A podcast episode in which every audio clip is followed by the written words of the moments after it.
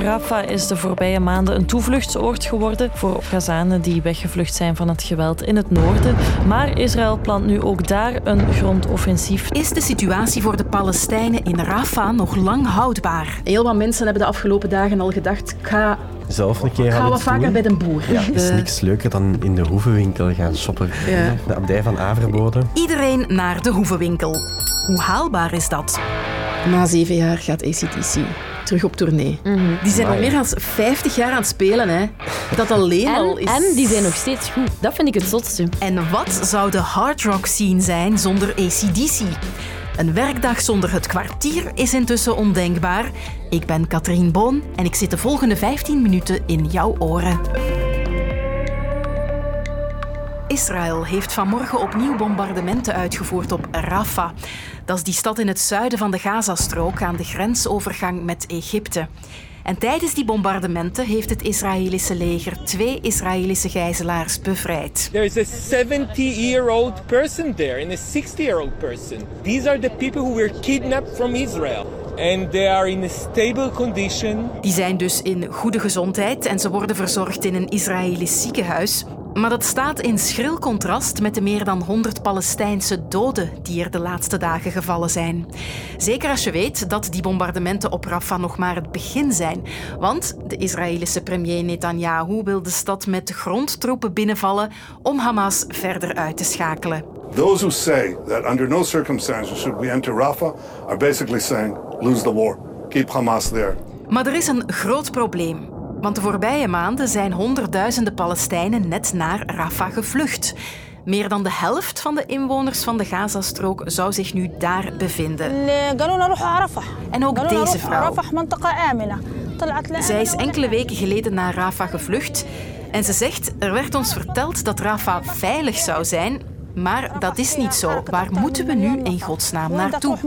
Ik ben aan de rand van Cairo op, op een plek met minder goed bereik, dus ik hoop dat jullie mij goed kunnen verstaan. Ruud van de Wallen is onze correspondent in Egypte en ik kon haar drie vragen stellen over die situatie. 1. Hoe houdbaar is die toestand in Rafah nog?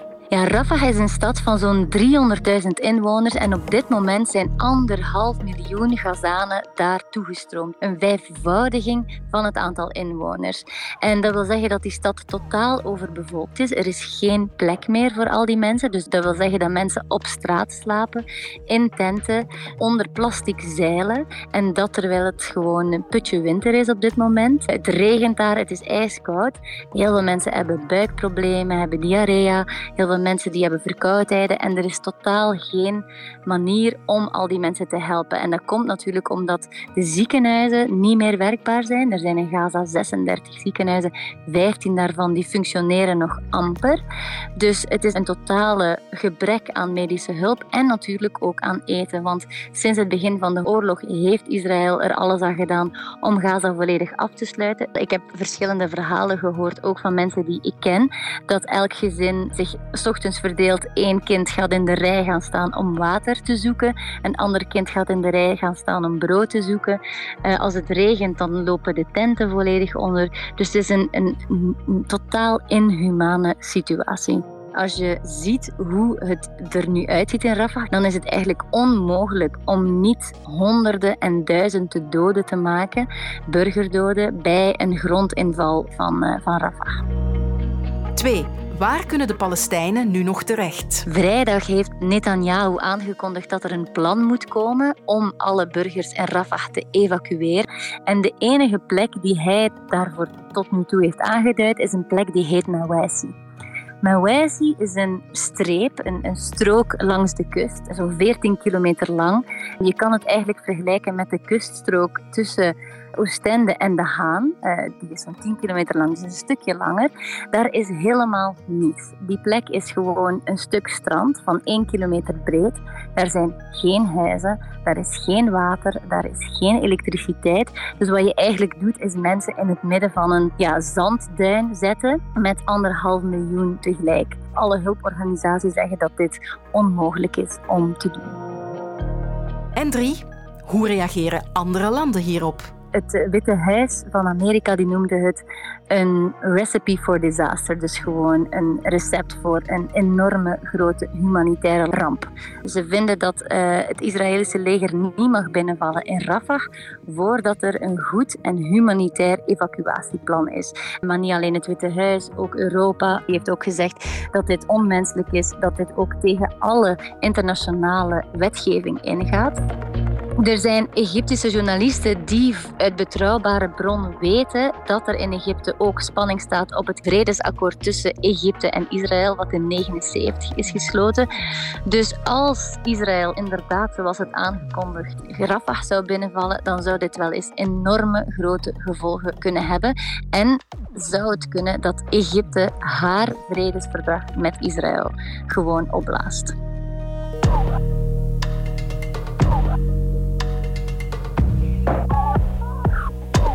Hoe was jouw weekend trouwens? Het mijne was vrij doorsnee. De was en de plas wegwerken, een rommelmarkt op zondag, maar ook op de fiets naar de Hoevenwinkel. Tien minuten fietsen en ik ben bij Hoevenwinkel De Wikke. En coördinator Victoria Sharova wacht mij al op. Ja, hallo. Eerst langs de bakken met oneindig veel soorten groenten. Spruitjes, bloemkool, paars en wit, savoykool, palmkool, ook wel prei, veldsla, kervel, mosterdblad. Een pot honing, die gaat ook in mijn tas. Verse yoghurt en een appelflap voor de terugweg. En ik ben niet de enige. Sinds de boerenprotesten lijken er meer mensen naar die hoevenwinkels te gaan. Want het geeft toch het gevoel dat je de boeren steunt in woelige tijden. En die woelige tijden die zijn nog niet voorbij. Er zijn plannen om morgen de haven van Antwerpen te blokkeren met tractoren. En terwijl wij deze podcast afwerken, zit de Vlaamse regering aan tafel met de boeren om oplossingen te zoeken. Dag mevrouw Demir. Wat mogen we verwachten vandaag? Ja, ik hoop uh, toch oplossingen voor de landbouwsector en daarvoor zijn we hier natuurlijk. Hè. U denkt dat er een akkoord mogelijk is vandaag? Ik uh, vind dat voor die landbouwsector wel heel belangrijk dat we dat doen. Ja. Dat iedereen zijn verantwoordelijkheid neemt. Ja. Kan mijn hoevenwinkel een deel zijn van die oplossing? Het is voor een aantal bedrijven in die land- en tuinbouwsector zeker een mooie piste om te groeien binnen die land- en tuinbouw. Maar we mogen die korte keten niet zien als de oplossing voor alle land- en tuinbouwbedrijven in Vlaanderen en gaan zeggen van kijk, als alle boeren nu morgen starten met korte ketens en alle problemen van de baan. Dat gaat niet lukken. Dat heldere antwoord kreeg ik tijdens een babbel met Anne Telder. Zij is de manager van het steunpunt Korte Keten. We hebben dat gezien tijdens de coronacrisis. Mensen uh, gingen natuurlijk veel meer naar de hoevenwinkel. Men, men, kon niet veel, men mocht niet veel niet meer. Maar we zagen ook eenmaal dat die coronacrisis achter de rug was, dat het drukke leven uh, terug zijn intrede nam en dat mensen terug ja, veel minder naar die hoevenwinkel gingen. Ik geloof wel dat er meer consumenten in de korte keten zouden moeten kopen, maar we gaan ook wel een stukje de korte keten dichter bij de consument moeten brengen, opdat meer consumenten zich zouden aangesproken voelen.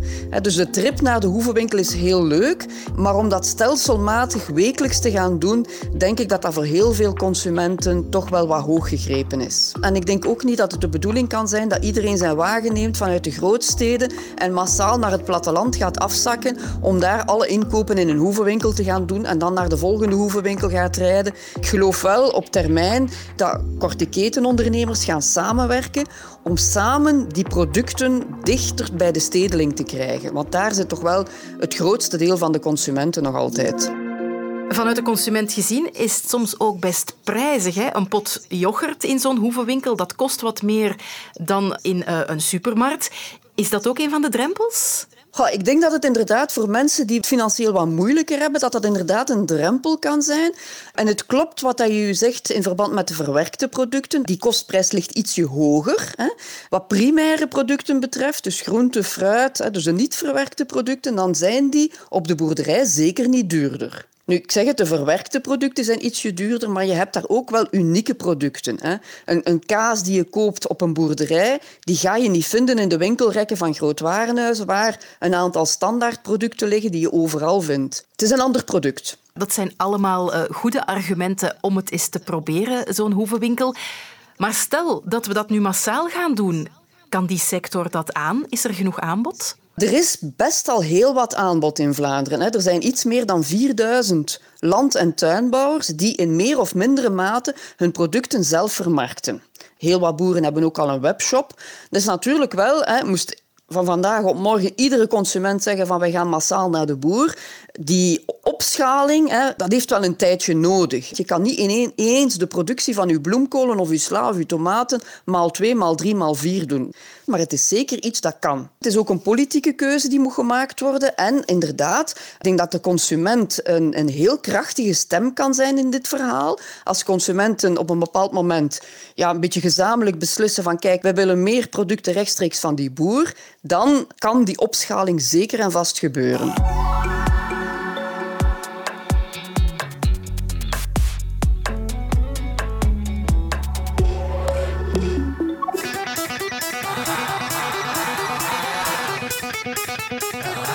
Een mooie dag vandaag voor de Belgische fans van hard rock.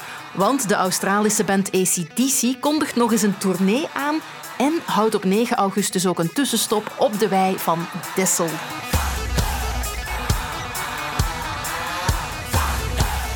Is bijna zeven jaar geleden dat ze nog toerden en bijna acht jaar geleden dat ACDC nog in ons land speelde, in Werchter.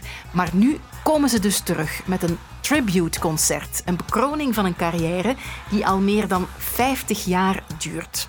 Ik zocht en ik vond vandaag heel snel een fan. Hallo met Peter. Peter Mulders is host van de Studio Brussel podcast Zware klap. en hij is ook de bassist van de band Brutus.